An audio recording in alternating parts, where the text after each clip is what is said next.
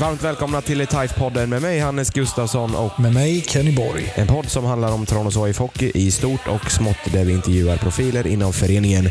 Podden hittar ni där poddar finns. Nu släpper vi pucken.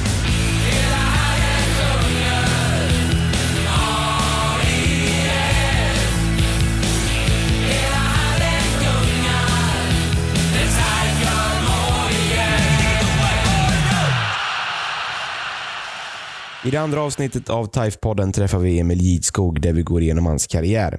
Vi tittar även in i framtiden där Emil ger sin syn på hur det är att vara tillbaka i moderklubben efter sina äventyr i den stora världen. Vi i TIFE-podden vill passa på att göra lite reklam för eh, 500-klubben. En klubb där du betalar 500 kronor och så får du en eh, goodiebag för detta. I år är det stora målet att eh, få ihop 500 medlemmar och mer info till detta hittar du på www.tive.se. Stort tack!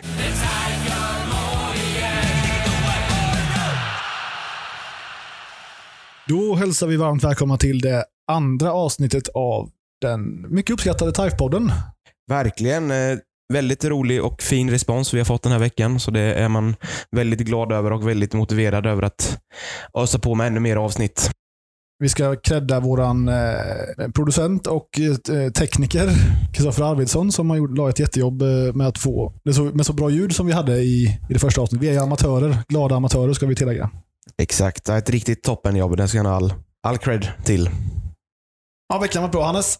Veckan har varit eh, jättebra tycker jag. Det har ju varit en del eh, positiva, härliga TIFE-nyheter. Mm, verkligen. Vi ska väl börja med en förlängning som eh, i början av veckan med William Wenström. Mm. Vad, vad säger vi om han Kenny? Kom väl inte riktigt upp i nivå förra året, men det var väl å andra sidan ganska många som, som, som inte gjorde det här så att säga. Har ju en skyhög potential, tycker jag. Högsta nivån är ju väldigt hög. Absolut. Vi fick ju se hans eh, högsta nivå i ganska många matcher eh, säsongen innan. Mm. Eh, I allettan där var han riktigt bra. Och, nej, men kommer han upp i den nivån så är det ju en eh, riktigt bra back i, i Hockeyettan-miljö. Verkligen. Grym fysik. Det känns som att det är viktigt att han, att han får rätt roll. Det är ju en, en tränarfråga att sätta honom i rätt roll. Liksom. Så är det ju och även att, eh, tror jag att han får en, en trygghet att spela med en, med en riktigt bra back eh, vid sidan av. Verkligen. Lite senare i veckan så eh, presenterade Tranås AIF ett nyförvärv. En hemvändande målvakt i namn Viktor Jonsson efter en säsong i Boden Hockey. Smaskigt. Ja, verkligen. Och eh, med, det, med, den, eh, med den nyförvärvet så måste vi väl ändå säga att det är eh, kanske Hockeyettans bästa målvaktspar i Tranås AIF Hockey. Ja, det tycker jag ju verkligen. Jag har svårt att hitta någon klubb eh, som nu i det, i det dagsläget har en bättre målsättning. Det, det är två första målvakter egentligen som vi, vi kan stoltsera med här. Så är det ju. Kanske satte lite onödig press på, på grabbarna nu, men det, det, den, den lär de nog få höra x antal gånger den här säsongen. Ja, Viktor var ju ändå... Han stod flest matcher i eh, det mest hypade Hockeyettan-laget förra året. Eh, menar, den, den, det, är ju, det är verkligen en första målvakt. Och Emil är ju... Det vet vi att han har ju väldigt hög kapacitet. Så att, Ja, Emil har ju varit och skaffat sig en mängd erfarenheter de senaste åren. Både allsvenskt spel och i danska högsta ligan. Nej, det ser jättebra ut. Mycket lovande, mycket lovande. Det är, man är väldigt sugen på att dra igång säsongen redan nu. Det, Ja, det, men så är det. Sen har vi också en nyhet när vi spelar in detta avsnitt som inte är officiell, men den kommer bli officiell under söndagen. Ehm, Det är ingen mindre än att Rasmus Koskinen har förlängt sitt kontrakt med ännu en säsong i TIFE. Eh, Och det är vi ju väldigt glada över. En eh, eftertraktad spelare med, ja, kanske en av de bästa spelarna i TIFE förra året. absolut. Jätteviktig för laget tror jag. Pådrivare och energiskapande spelstil. Och har även börjat peta in rätt mycket mål Mm. sista två säsongerna här. Och eh, även en grym kille vid sidan av eh, planen. Verkligen. Bra omklädningsrummet. Och, ja, det är en riktigt bra förlängning. En av ettans bästa skridskoåkare skulle jag gissa. Eh, otroligt vass. Det håller jag med om. Ja, det, bör, det börjar ju se bra ut i lagbygget måste vi ju säga. Det, det är många platser kvar att fylla, men eh, jag tycker att det känns som... Den stomme vi har nu här känns som en, en jättebra eh, grundbult för att bygga ett starkt hockeyettanlag. Ja, verkligen. En riktigt bra stomme som vi har, eh, som Frasse och sportgruppen har byggt upp eh, de senaste veckorna. Men om vi ska ta en liten eh, kik, då, en liten statusuppdatering där, så har vi ju två målvakter, eh, vi har tre backar och vi har fem forwards under kontrakt. Eh, känslan är ju verkligen att eh, nya påskrifter och eh, även lite nyförvärv varje vecka, så det får vi hoppas att vi kan presentera något eller prata om några eh, kommande avsnitt också. Men eh, huvudsyftet med det här avsnittet är ju ändå att vi ska intervjua vårt första nyförvärv, Emil Gidskog. Välkommen till TIFE-podden Emil. Tack så mycket. Hur är läget? Jo, men det är bra. Upplägget på, på din intervju kommer bli att vi kommer gå igenom din ganska långa karriär. Från start till mål. Men som vanligt ska vi börja med våran faktaruta som Hannes ska köra här. Jag kommer ställa några små korta frågor som du svarar på. Ja. Vi börjar med ålder, ja 30 år. bor, I Tranås. familj, Eh, Med fru Anna och sen har jag två barn. Bianca och Bonnie. Eh, Bianca är fyra och Bonnie är två. Eller de fyller i sommar båda två. utbildning, Ja, gymnasiet gick jag här i Hålaveden. Eh, Samhäll natur och sen gick jag på TUC har jag läst den här eh, ja, säljutbildningen. Härligt. Den har har jag också faktiskt läst. Riktigt bra utbildning. Eh, lön. Ja, månadsvis. Klockrent, svar. klockrent svar. Kör. Eh, ja, bilen Skoda. Octavia. Läser. Ja, för lite. Tittar. Ja, Det styrs av min fru vad hon vill kolla på. det är lite olika. Lyssnar på. Jätteblandat. Eh, radion. Tranåsradion gillar jag. Mm. Den brukar, brukar alltid, sen när man åker från, man åker från Köpenhamn eller vart man har varit och kommer in i närmaste Tranås, då brukar jag alltid försöka koppla på, koppla på den här 97,8. Där kommer även podden sändas kan jag meddela, så kan du lyssna på den där. Ja. Spelar. Eh, hockey. Främsta merit. Oj, ja, men det måste ju vara barnen. Mm. Och min fru. Härligt. Eh, förebild. Nej, min fru är en bra förebild. Mm. Henne ser upp till mycket. Och sen eh, har vi en fråga. Vilken regel vill du ändra på? Och, nej, jag tycker det är ganska bra. Um, jag har ingen regel sådär som jag tycker är dålig. Jag tycker jag gillar, det är man ger i USA får man inte vara ute som målvakt i hörnen. Och, Nej, det. men det har ju inte kommit Nej, Eller har man det i Sverige nu? Nej, jag är tror man inte. fri att åka, Ja, jag tror, Ja. men det tror jag. Inte över mittlinjen får man väl inte åka i alla fall. Nej, det får man inte göra. den är lite tråkig. Ja. Det hade jag kunnat tänka mig att ta bort faktiskt. Ja, Hänga med upp. Powerplay hela tiden. jag gjorde det under en match nu här under den här säsongen. Det var avvaktande utvisning. Så jag ruschade upp mot båset. Problemet var att jag såg ju fel. Det var inte avvaktande utvisning, så jag stack ju mitt i spelet. När jag skulle hoppa in där så stod ju alla bara “Go back, go back, go back”. Då fick man ju ja, åka så fort man kunde tillbaka. Men vi, vi klarade oss i alla fall. ja, vad härligt. Jag tror domaren ramlade till eller något, så han lyfte armen så här och sen Ja. tänkte jag att ja, nu åker jag. Körde jag ner huvudet och sen det slutade i bra i alla fall. Ja, vad härligt. Bästa som du har spelat med och emot? Det är många spelare man har varit spelat både med och mot, men en som jag tycker sticker ut är Johan Ström. Mm. Han var faktiskt ja, han var riktigt bra. Det är kul för att eh, Kalle Patrisson var gäst här i första avsnittet. Han sa samma sak. Ja, Han sa också Johan Ström. Han var ju otroligt duktig alltså. Otroligt ja bra. han var... Och då har man ändå spelat med en del som har spelat i NHL och mött sådana som är där också. Nej, Ström var riktigt bra. Mm. Han hade ju ett, eh, ett sånt tydligt sätt att uttrycka sig på isen. Jag minns det så väl en match här. eh, Ja, jag vet inte hur gammal jag var, men de mötte hästen här hemma. Han gör två identiska mål. Han kommer in vid utvisningsbåset och sen ett slagskott i bortre krysset. Och han gör två sådana mål på fem minuter. Det är, ja, men just- att han gör det här lilla extra hela tiden. Han hade kunnat bli hur bra som helst Johan gissar jag. Han fick väl en rätt olycklig skada när han var i HV. Ja, jag tror det med. Ja, Om det var Per Svartvadet som tacklade sönder en njure på honom. ja, det Ja, vet. Han hade väl bara en... Ja, då hade han nästan et- etablerat sig i SHL när han fick den här skadan. Ja. Sen kom han aldrig riktigt tillbaka till den nivån. Rent kontraktsmässigt i alla fall, men Ja, precis. Ja, han, höll, ju- han höll ju absolut den klassen spelmässigt. Verkligen. I alla fall. Så att, Mm. det eh, håller jag med om. Kommer du på någon som du har mött? men Elias Pettersson, han är ju duktig. Ja, Han är hyfsad. Det får Ja. man väl lugnt säga. När var det? När mötte du han? Ja, men jag, alls, jag spelade i Allsvenskan så var han där också. Ah. Han var i Ja. Timrå då, eller? Mm, ja, Timrå var han Ja, i. Så, nej, men han, var, han är ju riktigt bra. Mm. Ja, det får Han är ju även bra i NHL nu också. Så han, Skadad nu. Ja. Ja, ja, precis. ja.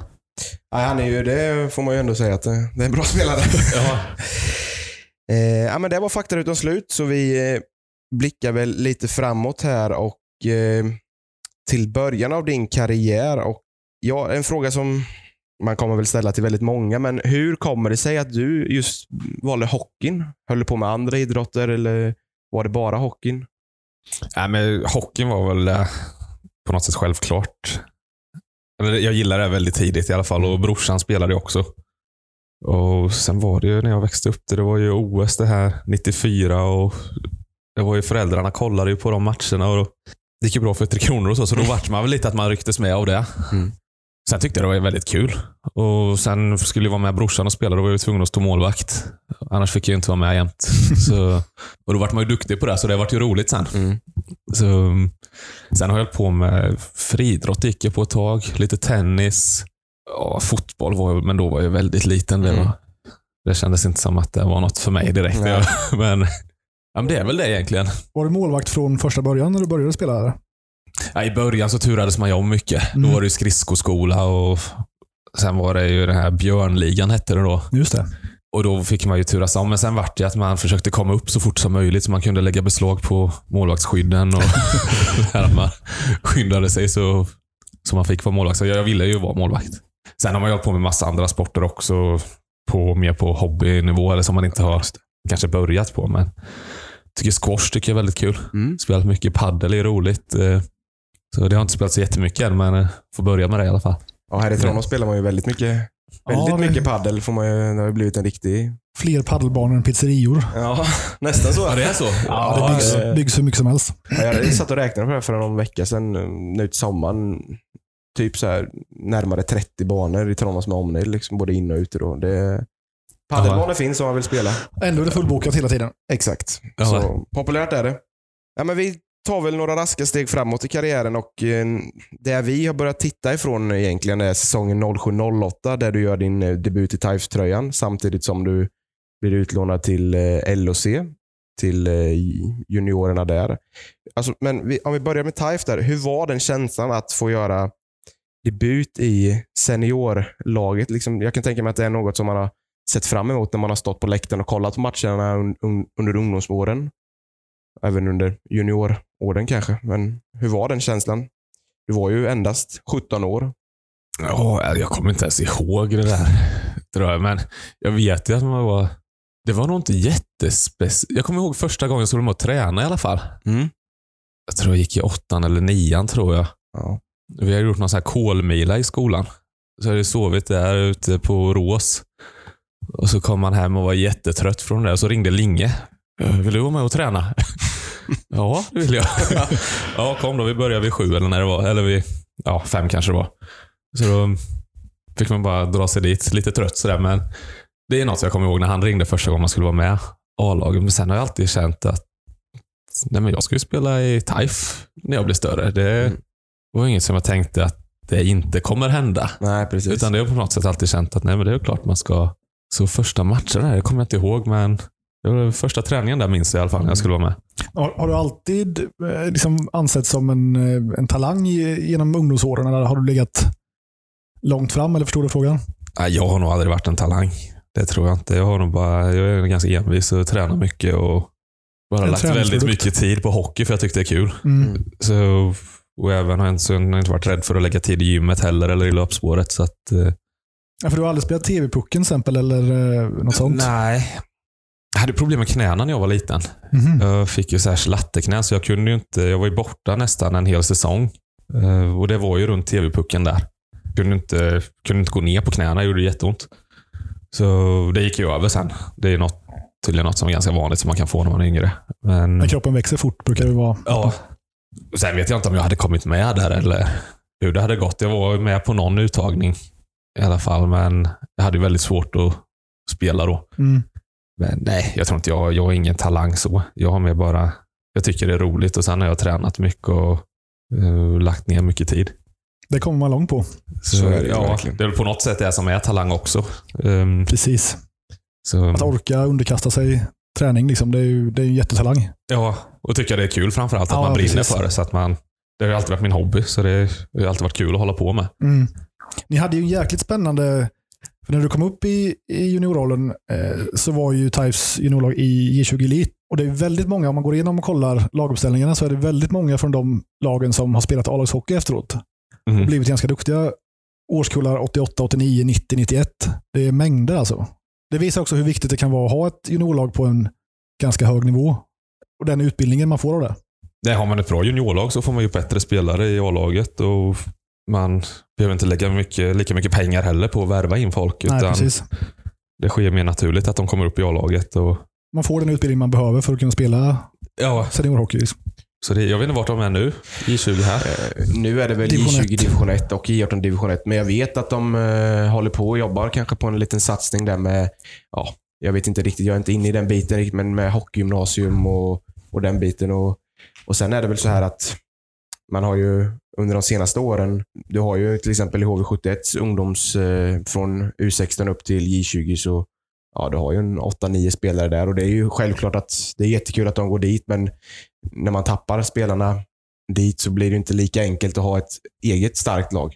Nej. Så är det ju. Men eh, de här som, ja, ja, man har väl hyfsat bra koll på dem och de som har gått till HV då i det här fallet är- är ju väldigt duktiga och har stor chans att bli väldigt bra Mm. hockeyspelare. Så då är det klart att man ska ta chansen när man får den. Sen gäller det att ha många som börjar på hockey och börjar Mm. spela och få in många. Precis. Eh, Jag vet, när jag växte upp, vi var ju nästan 40 spelare tror jag den här 90-kullen. Mm. Vi hade ju två lag när vi var i ja, U14, U15 där omkring tror jag fortfarande vi hade två lag. Mm. Som en spelade i Östergötland och en spelade i Smålandsserien. Ja, okej. Om jag inte minns fel så tror jag vi vann nog båda serierna till och med. Och Vi vann DM-guld också. Mm. Mm, sen började det så här med topping och sånt och då var det många som la av. Och Mm. så där. Det, det förstörde väl mycket för... Ja. Ja. det där är ju en het debatt, hur man ska förhålla sig till, till sånt. Det, är ju, det finns ju två sidor där. Mm. En del tycker att man ska toppa, en del tycker att man inte ska göra det. Nej, jag tycker inte man ska göra det. Nej. Förrän man kanske då... Ja, när man börjar i gymnasiet kanske. Mm. och man gör en satsning. Då. Man kanske söker till hockeygymnasium eller man kanske väljer att om jag vill inrikta mig på någon utbildning. Eller jag ska göra, då vet man lite vad man vill göra i livet och vad man vill satsa. Men innan dess så ska det bara vara det ska bara Kul. vara kul. Ja. Och Sen ska det såklart vara uppstyrt och strukturerat, men eh, innan dess tycker jag det är för tidigt i alla fall. Mm. Sen är det nog många som inte håller med mig. Men, Ja, så är det nog. Så är det. Men jag är faktiskt beredd att hålla med dig. Jag också med dig. jag tycker det är självklart. Det är så många som, kan, som slår igenom sent och som liksom hittar ett sätt att spela sent i tonåren. ja, Att det är för tidigt att sålla bort dem när man är 15. Men eh, om vi blickar lite efter säsongen, noll- eller under säsongen 07-08 så är du utlånad till LOC några matcher. Och likaså säsongen efter det 08-09.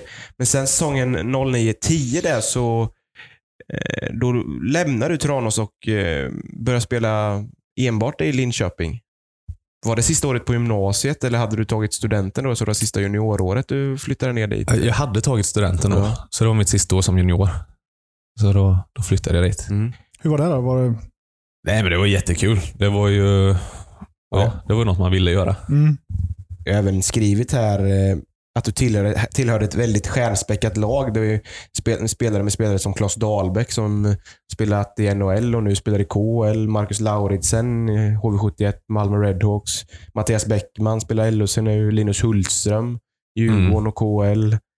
Och sen var ju även Jonathan Lindell Jaha. var ju där och även Sebastian Ottosson som har spelat i TIFE då. Mm. Ja, nej, men det var det fanns många bra killar där. En stor erfarenhet. Ja, ja men det vart vart, vart ju något helt annat. Jag hade ju inte TIFE på den tiden. Det var ju inte, fanns ju inte så mycket ja, med målvaktsträning och den här biten. Det blev ju något, något helt annat. Mm. Ja, det var väl egentligen första gången som jag började jobba med målvaktstränare. På, innan var det att det kom hit eh, någon kille någon gång om året och körde med alla målvakter. Och, annars var det mer ta pucken målvakt. det var liksom den skolan. Eh, och Där fick man ju börja jobba, så det var väl ganska... Jag hade ju bara gjort på mitt sätt. Jag Mm. kastade mig runt lite som jag ville och blev ju träffad ganska ofta. Hade väl lite flyt men eh, det vart man ju lite mer skolad. Så det var ju ganska stor omställning för mig att lära mig hur man kan göra. Att om jag gör likadant varje gång när pucken är på den här delen av isen så då kommer jag ta den varje gång. Och Mm. Jag kanske gjorde på tre olika sätt. Eh, jag kanske bara behövde en räddning och vända mig till. och så. Så att, nej, men det var jättelärorikt att komma dit. Vem var det som var målvaktstränare då? Mattias Elm hade jag då. Ja, just det. Han Mm. hade ju en fin karriär med. Ja, det kanske han hade. Ja, det Jag har inte jättekoll på... Men, Han var väl i Tingsryd och Oskarshamn och Ja. även i LOC på slutet tror jag. Det är Men nog till- lite för, lite för tidigt eh, för mig tror jag. Jag är ju x antal år yngre än er, så det, jag känner inte riktigt till han där. Ja, men han kommer jag ihåg. Ja. Han var Mm. stjärnkeeper på den tiden. Efter den tiden i Linköping där eh, så flyttade du hem till eh, Tranås och eh, säsongen 11-12 och även 12-13. Du spelade många matcher och stort förtroende. Men sen där under säsongen 12-13 så lämnade du Tranås för spel i Huddinge och även kvalserien till Allsvenskan där. Det kanske är där din eh, karriär sätter fart på allvar. Kanske fel år, men det är kanske är där du börjar... Ja, du ser dig omkring och ja, vill testa på hockeyn på allvar ja, jag la ju egentligen av med hockeyn. Ja, Så jag var, jag var lite sådär jag skulle fortsätta vad jag skulle göra. Tyckte man, så det hände inte så mycket sådär som man ville skulle hända. Och sen, nej, men jag, jag hade inte så, det kändes inte så roligt att spela. Jag la av där och jag började spela lite, körde några matcher med Lövsta och var med lite Ja. Just det. som utespelare, några träningar. Och, ja, men, nej, men jag tänkte inte att jag skulle fortsätta då. Och sen, eh, då gick jag den här utbildningen på TUC. Och så gjorde jag ju praktik där eh, i Stockholm. Mm. Var jag då. Då började man bli lite så här sugen, för då hade jag varit borta ett tag från hockeyn och kände man lite sug. Och så började jag fråga om jag fick vara med i det var Flemingsberg? Nej, Trångsund Mm. Mhm. tror jag deras. De hade något litet hockeylag där. De spelade väl i tvåan eller trean kanske. Och, ja, de samlade ihop lite utrustning och sen var jag med och tränade ett par gånger med dem. Och Sen eh, tog det inte lång tid innan Huddinge hörde av sig. Då kände jag att nej, men jag, jag gör ett försök till. Liksom. Jag, eller det kändes kul. Då, liksom. då började man bli lite sugen igen. Och, Huddinge var väl en, alltså en maktfaktor på den tiden med, mer än vad man är nu egentligen. ja, men de var väl lite så här talangfabrik Mm. eller lite åt det hållet. Men i alla fall, då skrev jag på och började spela där. Mm. Och det gick ju bra. Vi tog oss till kvalserien och där räckte vi väl inte riktigt till, men vi gjorde ändå ganska bra ifrån oss tycker jag. Du spelade en 10-12 matcher eller? Jag vet inte vad det var. Jag kom ju in ganska sent. Det var ju inte en aning om hur många matcher det blev. Sen stod jag väl stod i princip allt i kvalserien där sen i alla fall. Mm. Nej, men då, det började gå bra igen och då tyckte det var kul och sen har jag ju fortsatt sen dess. Så, Mm. Och Det kan ju vara, en sån, det kan ju vara ett eh, ganska tydligt miljöombyte som behövs för att man ska få upp eh, farten på karriären och hitta tillbaka till Glädjen. Och, glädjen och hela den biten. Ja, men det är ju lättare att lyckas någonstans där man inte kommer ifrån. Mm. Så är det verkligen. Sen behövde jag nog lägga av lite och känna att jag saknade hockeyn. Det var nog den viktigaste delen. Att jag, Och Jag kan ju förstå det för att alltså, när du var i Linköping och där och du kanske, eller om du flyttade dit eller om du bodde kvar i Tranås, men eh, just det året kanske bara är hockey då, liksom att man vill göra liksom hockey, hockey, hockey och sen kommer det ju, hittar man ju andra saker som man kanske vill syssla med också och då, då blir det ju så. Säsongen 13-14 så lämnade Huddinge för spel i Nyköping och sen efter den säsongen så är du tillbaka i Tranås och där kamperar du faktiskt ihop med Viktor. Kunde jag läsa Mm. mig till som du även ska göra i år. Det är lite spännande att du, och då har ju ni ja, haft en tidigare relation till varandra där under den säsongen. ja, jag känner ju Viktor sen innan, så Mm. det är ju... Jag tycker om honom jättemycket, så det är jättekul att han är här igen. Och det tror jag är väldigt positivt, att man vet vilka varandra är. Liksom. Ja, man lär ju alltid känna varandra också i ett lag. Så man, eh, man ses ju varje dag och som målvakter så blir man ju ofta kompis med den andra målvakten. Mm. så. Så att det är och han är ju duktig Viktor, så att det tycker jag är, det är kanon att han har kommit hit också. Så det, är- det är verkligen bra för hela laget. Sen säsongen 15-16 så inleder du säsongen i Tranås och sen eh, så lämnar du för IK Panten, Hockeyallsvenskan. Är det runt jul, nyår där? eh, Tror jag det var. det var nog i början på december tror Ja, jag. Till och med. Kom dit. Ja. Ja. du hade en kanonsäsong fram tills dess minns jag att det var Ja. riktigt bra. Hur gick tankarna där då när du, när du stack? Så att säga. Nej, men det var ju, nu har jag ju chans på allsvenskan. Nu, nu drar jag. Ja. Det var väl så man... Nej, men jag kände man var ju tvungen att ta chansen. Det, Ja. det kanske var den chansen jag hade fått. Mm. Sen gick det ju bra med Taif. Vi kanske hade kommit till kvalserien och varit, kanske till och med gått upp. Det, det vet man inte. Vi, Var, Vi med, ju- var det Mellberg som var här då? Mellberg var ju här och han är ju ja, en av de bästa coacherna jag har haft. Mm. Tycker han är jättebra. Mm, han hade jag även i Huddinge när vi gick till, eh, ja, vi kom till kvalserien där. Just det. Sen var det han som tog med mig till Nyköping. Jag kom dit också, för Ja, han, han var också han där. skulle till Nyköping och sen ville han att jag skulle följa med. Okej. Och Då hängde jag på dit. Vi kom till Playoff 3 kom vi till. Jag tror vi mötte Tingsryd där. Mm. Jag tror det slutade med att de gick upp i alla fall. Just det. Och Nyköping var riktigt bra på den tiden med. Mm. De Ja, vi hade jättebra lag. Däremot gick de ju i konkurs efter säsongen. Så att Mm. de hade väl lite bättre lag än vad de hade råd med. Så, och han kom ju till Tranås också den säsongen. Eh, Och det har alltid gått bra för mig när jag har haft honom som coach. Det var väl lite tråkigt på det här sättet, för man visste inte hur bra det hade kunnat gå i TAIF. Men Nej. jag kände väl ändå att jag inte kunde... Ja. Sumpa möjligheten. Nej, precis. Och det är ju förståeligt. Verkligen. Eh, för någonstans så är det ju när man eh, spelar hockey eh, på Hockeyettan i division 1, då, är det ju, då har man ju oftast ett jobb vid sidan om. Eh, och sen um, allsvenskan, då, är det ju, då blir man ju som ett heltidsproffs. Ja, ja, det blir något helt annat. Hur var det att komma till Malmö då? Var det, Panten var... De höll till i botten lite då, va? Eller var, Ja, det var ju deras första år i Allsvenskan. just det.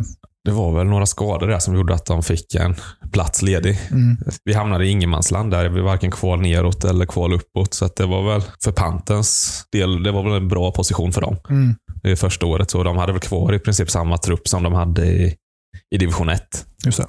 Nej, men jag tyckte vi hade ett bra lag. Det var väldigt, vi hade Lillis var tränare där. Han gjorde det väldigt bra där i alla fall. Mm.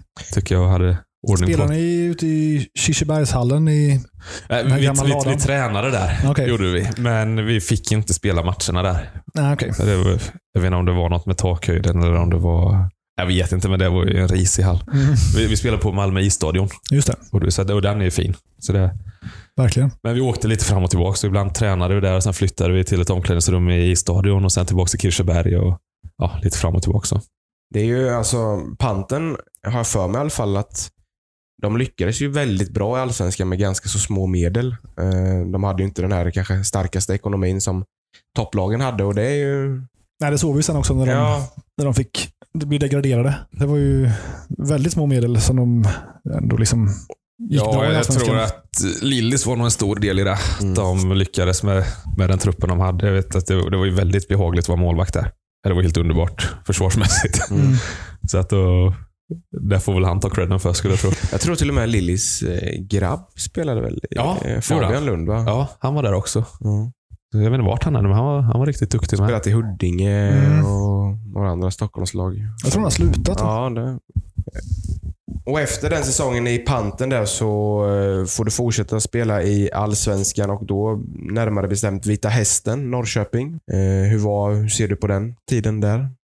Nej, men hästen var ju kul att spela i. Det var lag med lite mer publik och mer arena än vad vi hade i, i Malmö där och i Panten. Så att det var... Sen var det nära Tranås också, så att det var bra på många sätt.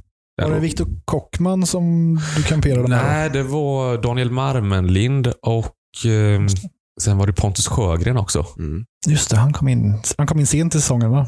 Ja, Marmenlind var där först och sen tror jag han blev utlånad eller något och så kom Sjögren in Just det. eh, efter ett tag. Ja, det var de ja. Sjögren kom, kom han från Malmö? Ja, jag tror inte han hade någon klubb när säsongen började, så att han eh, gick väl och väntade på någonting tror jag. Eh, Efter den säsongen så började ju en, eh, en väldigt eh, spännande tid som jag tycker är lite intressant här.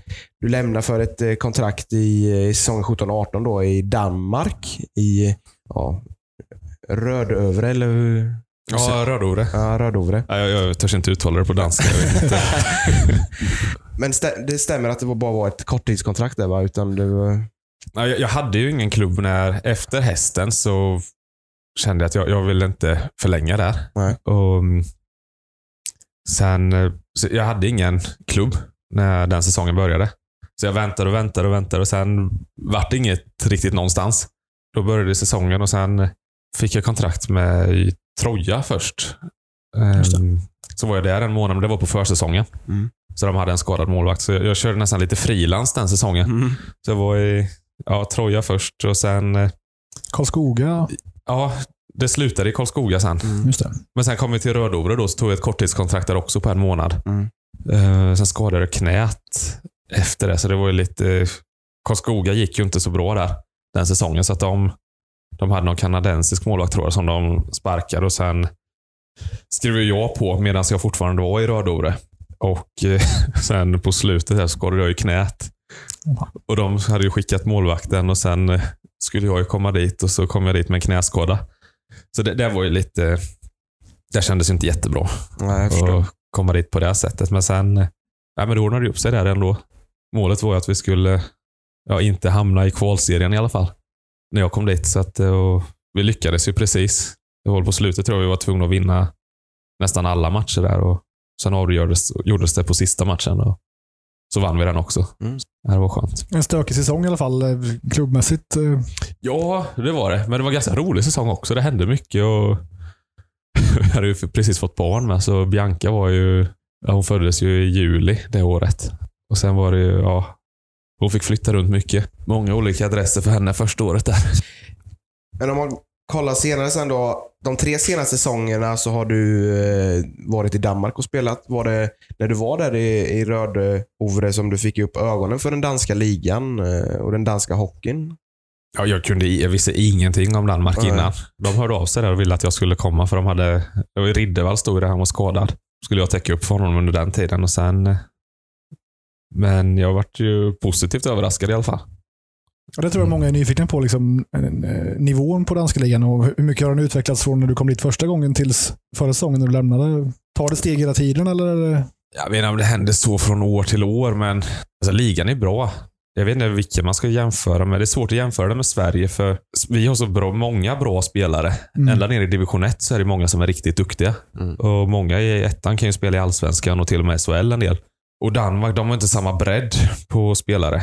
Så att är du en duktig dansk spelare så vet du att du, du får en plats i ett lag och du kanske till och med kan nosa lite på juniorlandslag och landslag om du är duktig när du är ung. Så att, eh, Det är många, utlänningarna som är där är ju väldigt eh, hög nivå på. Alltså det är ju, Ja, ja, men ligan blir ju, eftersom de inte har så många bra danska spelare. Det finns en del som är riktigt bra och de, Mm. de håller ju okej klass, men de har inte samma bredd som Sverige. Så de, de blir beroende av importer. mm, Så de tar ju in riktigt bra spelare. Så gapet mellan den bästa spelaren och den sämsta spelaren i ett lag är ju mycket större än vad den är i ett svenskt hockeylag. okej. Nej, så importen är ju riktigt bra. De kan betala Så. ganska höga löner antar jag eftersom de lockar till sig toppen av Ja, allsvenskan egentligen, den, det spelarskiktet.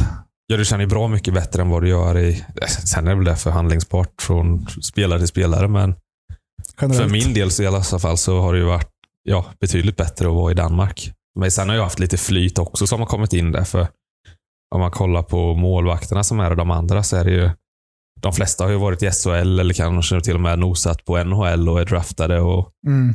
har spelat matcher i NHL, KHL och så. Så jag kom från allsvenskan i Sverige. Jag hade väl egentligen lite flyt som kom in där som målvakt.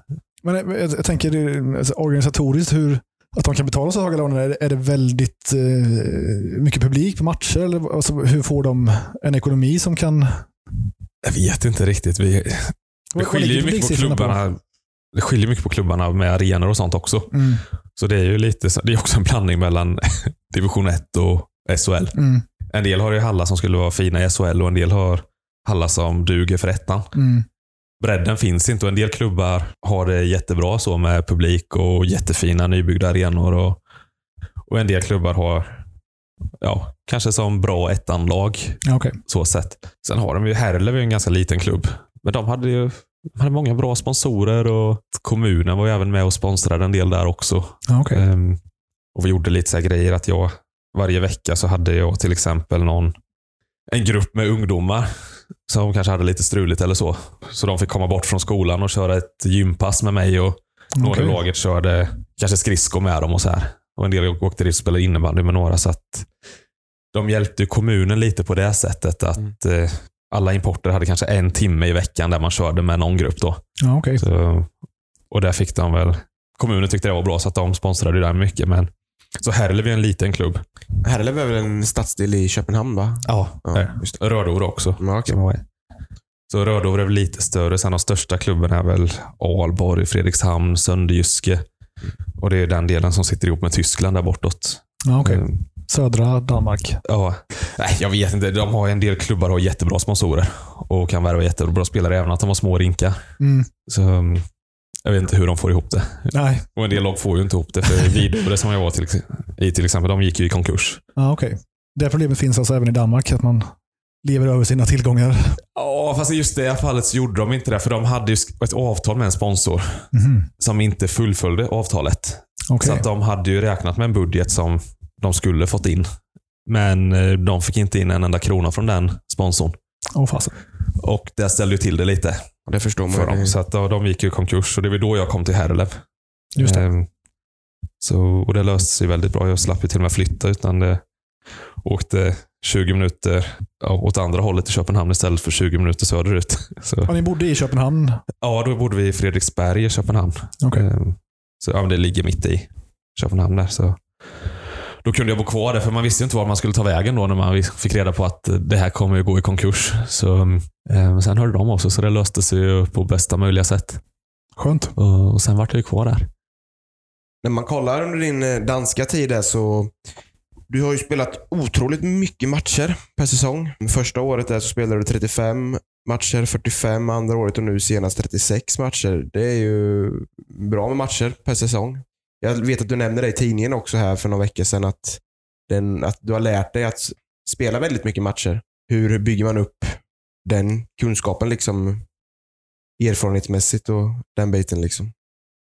Nej, men det viktiga är att återhämta sig bra Mm. och träna rätt så att man inte tränar kanske för mycket eller- för lite heller, men att man hittar rätt balans där och att man tar hand om, som målvakt är det viktigt att ta hand om höfter och ljumskar och ja, den delen av kroppen är väl det som slits på mest. Och det har jag egentligen aldrig haft några problem med så. Jag har lärt mig att ta hand om kroppen Mm. och likadant med kost och sånt. Jag, jag svettas väldigt mycket när jag står i målet med alla skydden och man är påslagen hela matchen. Vi räknar på den här gången, jag tror jag kunde tappa upp mot ja, men fem, nästan ja, fem, sex liter på en match Mm. i, i vätska. Då gäller det att man fyller på med rätt grejer också.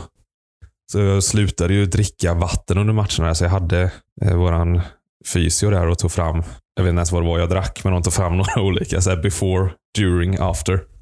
Som jag drack då istället. Och det kände jag gjorde jättestor skillnad för återhämtningen till nästa dag. Då. Ja, det är kosten och träningen som är, och sömnen som är det viktiga. Nycklarna. Ja, det är ju lite spännande. Hade ni, väldigt, hade ni bra resurser där nere? Men jag tänker med ledare runt omkring. Med, just du nämnde fysio. Och jag tänker med ja, kosten och allting sånt. Hade ni mycket hjälp med det? Eller var det Ja, men vi hade väldigt bra. Vi hade ju, inför varje år så var det utbildningen om kost och vi fick så här Ja, de gjorde så här, ja med smoothies och lite olika grejer. Matlagningskurs egentligen med oss, att man fick lära sig lite sånt. Och, ja, så det hade de ju bra koll på. Likadant med, behövde man massage så fanns ju det dagligen att få. Och likadant akupunktur och sånt där. Så det, det är också sånt som kan skynda på om man känner att man börjar bli lite sliten. Så, och ha någon som kan ge akupunktur samma, samma dag som man känner att man ber om det.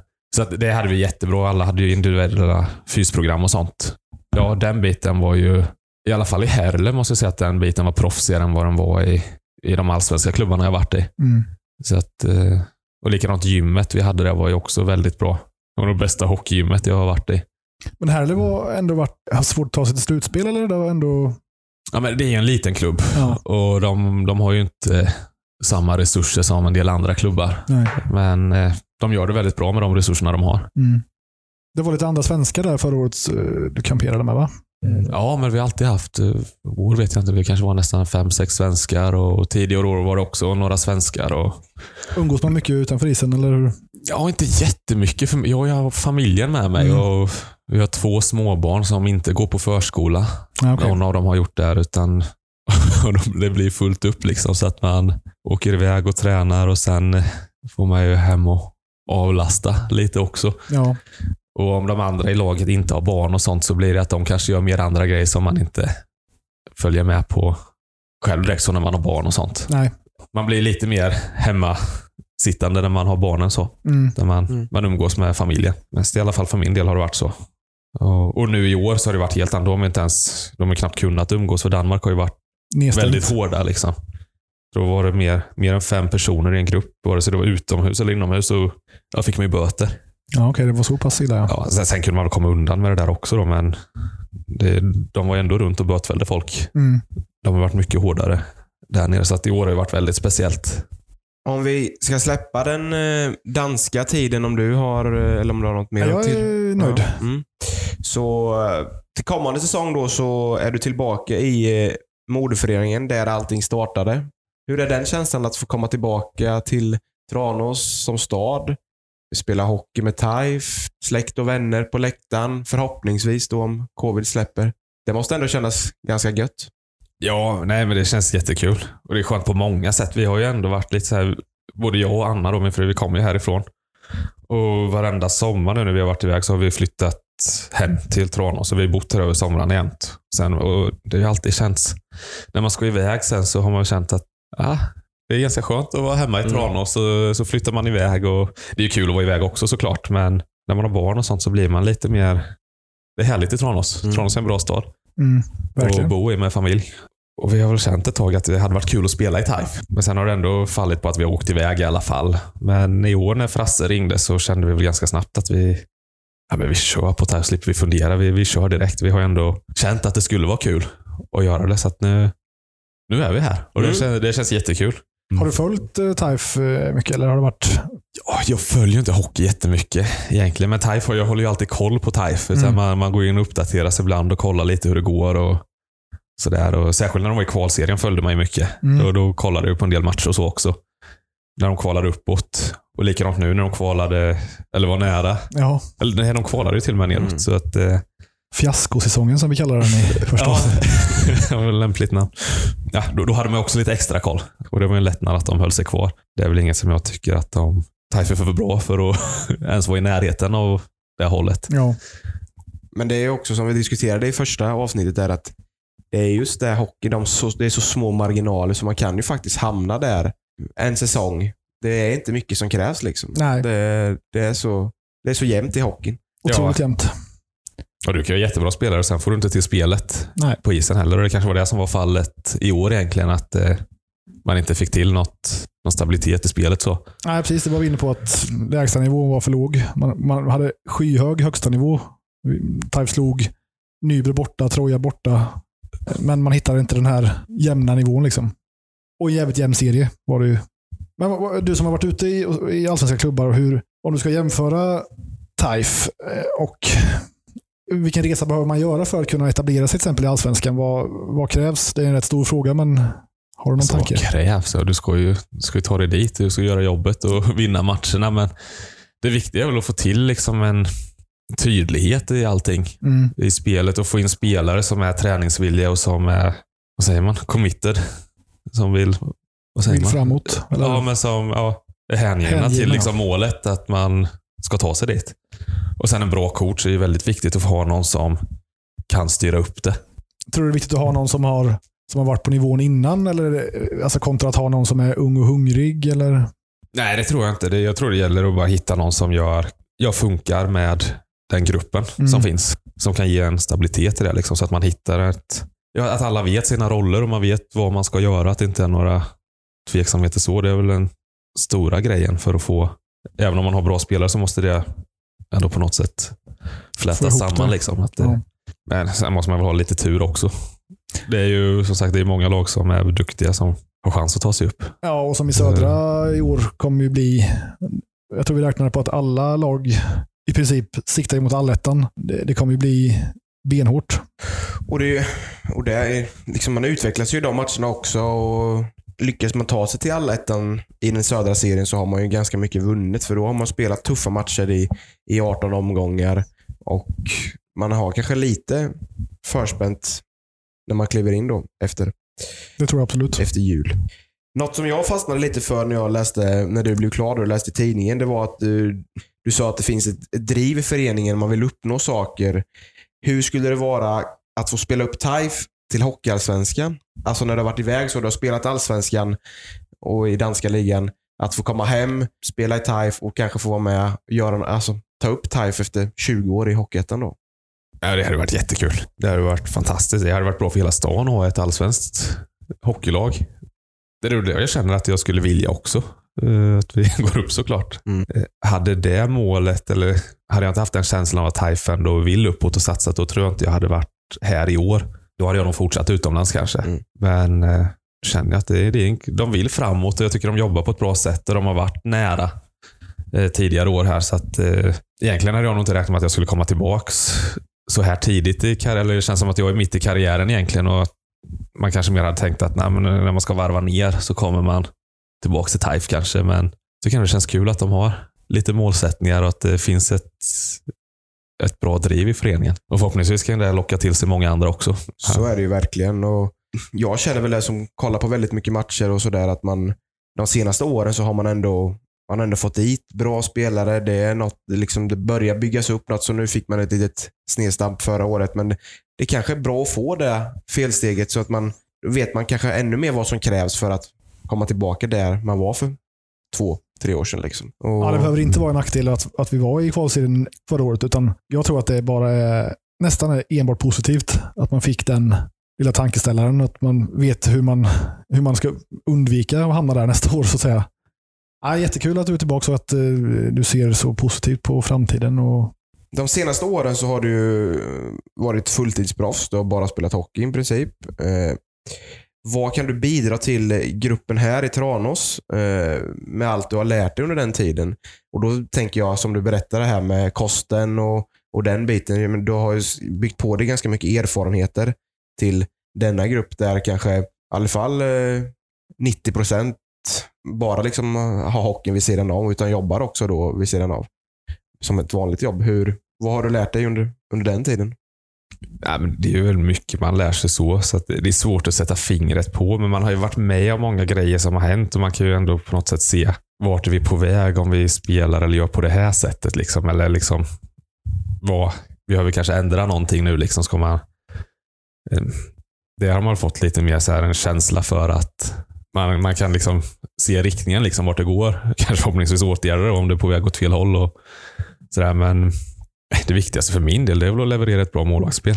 Det är väl det som jag ska göra. Mm. Och se till att det finns en trygghet bakåt.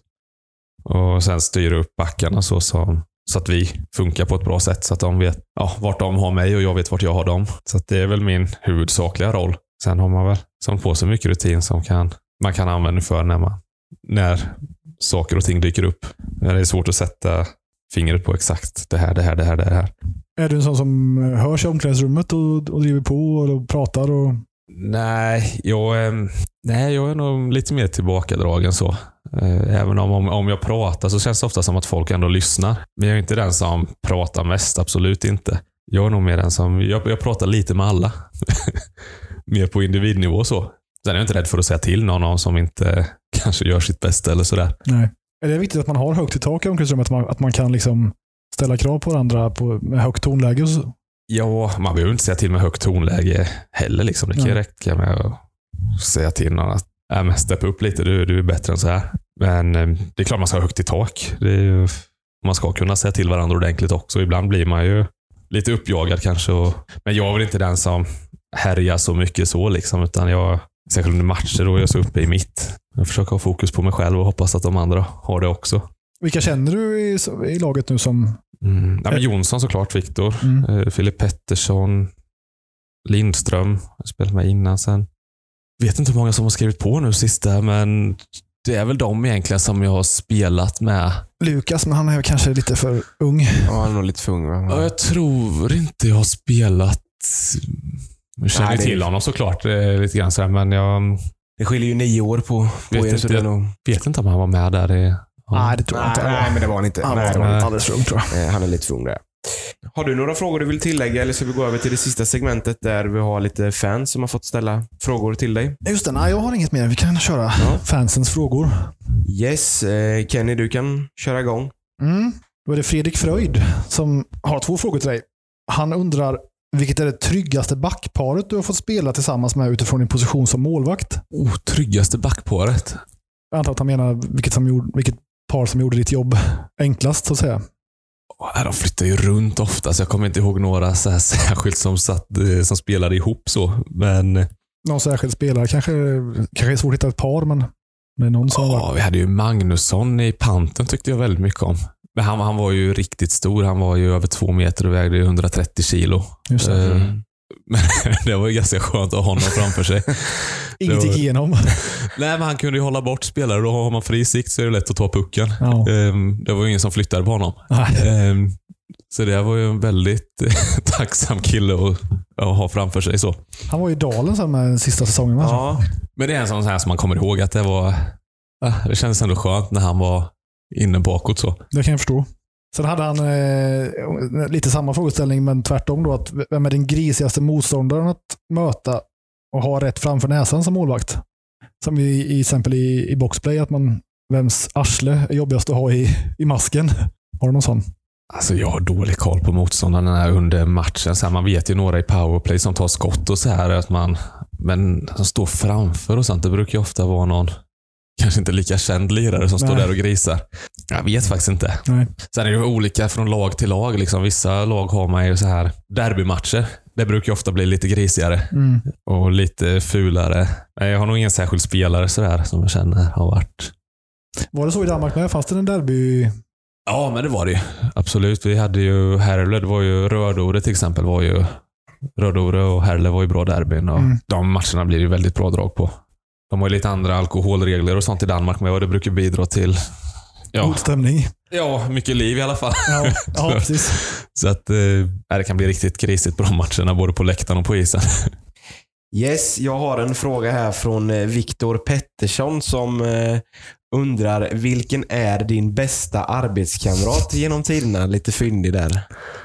Ja, jag jobbade ju med henne en gång. Hette ju Viktor Pettersson. Vilken kollega, måste jag säga. Eh, jag, jag, jag håller den nog där.